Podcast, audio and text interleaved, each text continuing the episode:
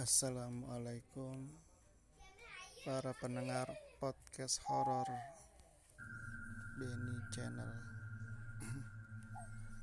ya, kita mulai saja dari narasumber bernama Intan Mulyadi. Kali ini beliau berbagi kisah nyatanya yang dialaminya. Oke, kita mulai saja. Kali ini aku ingin berbagi kisah tentang pengalamanku yang gak akan pernah bisa aku lupakan seumur hidupku. Dan aku berharap ini adalah yang pertama dan yang terakhir aku melihat sosok seperti itu lagi. Kejadian itu bermula ketika aku dan ibuku memutuskan untuk pindah rumah ke suatu perumahan. Ya, awalnya tidak pernah ada kejadian hal-hal aneh di rumahku dan aku juga ibuku yang aku alami. Sampai pada suatu malam ketika jam menunjukkan pukul 01.00 dini hari. Aku yang waktu itu belum menikah dan hanya tinggal berdua dengan ibuku karena ayahku sudah meninggal. Aku bangun tidur. Ya, maaf, aku tidur bersama ibuku dan aku gak bisa tidur sampai suatu ketika aku mendengar suatu wanita menangis. Waduh, serem banget ini ya. Gak bisa tidur, kemudian dengar suara wanita menangis di tengah malam lagi ya. Aku mencoba membangunkan ibuku. Ternyata ibuku juga mendengarnya. Sampai kami memberanikan diri membuka tirai jendela untuk memastikan hal itu. Dan apa yang terjadi? Astagfirullahaladzim. Kami melihat seorang wanita berambut panjang sedang berjalan ke di depan rumah kami sambil menangis serta melayang. Sontak kami berdua berzikir tiada henti sampai akhirnya sosok itu pun menghilang. Setelah itu kami kembali memaksakan untuk tidur lagi. Meskipun kami tidak bisa tidur lagi. Esok harinya ibuku pergi ke pasar untuk membeli baju dan barang pesanan orang.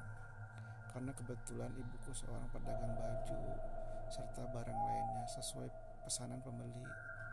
Ibuku pergi dari pagi-pagi sekali ketika aku belum bangun tidur. Sampai aku terbangun, aku mandi, dan setelah itu aku berniat untuk makan. Ketika aku berada di dapur, tiba-tiba ada yang ketuk-ketuk pintu. Setelah aku buka, ternyata ada dua orang temanku. Aku suruh mereka masuk. Dan tumbenan temanku datang ke sini dan mereka mengajak aku untuk makan-makan di kawasan mereka.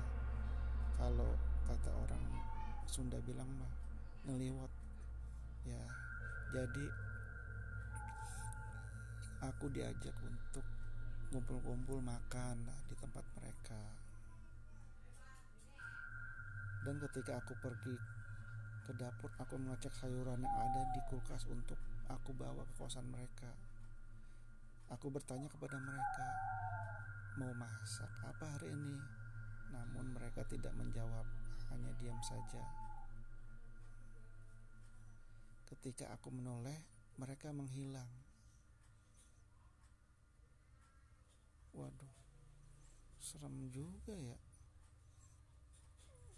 Ketika menoleh langsung hilang.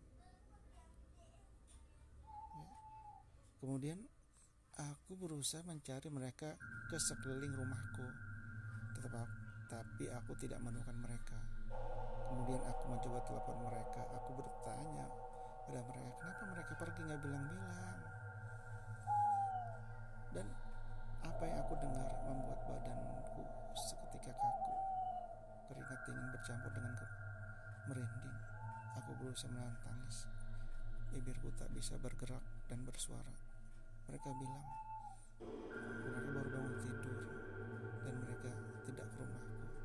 apalagi mengajakku untuk masak-masak. Terus yang aku lihat tadi siapa? Dan kejadian ini aku ceritakan kepada ibuku. Setelah ibuku datang dari pasar. Kemudian sejak saat itu aku dan ibuku memutuskan untuk pindah rumah lagi dan alhamdulillah di rumahku yang sekarang tidak pernah kejadian hal aneh atau kejadian-kejadian yang menyeramkan. Ya. Sekian cerita dariku. Ya terima kasih. Untuk Mbak Intan Mulyadi atas kisah nyatanya. Ya. Uh, memang kalau lagi di rumah sendiri ya terjadi hal-hal ya memang terkadang kita juga takut juga. Tapi ya intinya dari kita ya dari kita rumah kita bagi yang muslim ya rumah kita itu sering dipakai untuk ibadah sholat sholat sunnah juga atau sholat wajib bagi perempuan atau enggak ibadah-ibadah yang lainnya. Seperti berzikir, baca Al-Quran. Insya Allah dengan rumah yang kita sering pakai untuk ibadah itu auranya berbeda dengan rumah yang jarang untuk ibadah.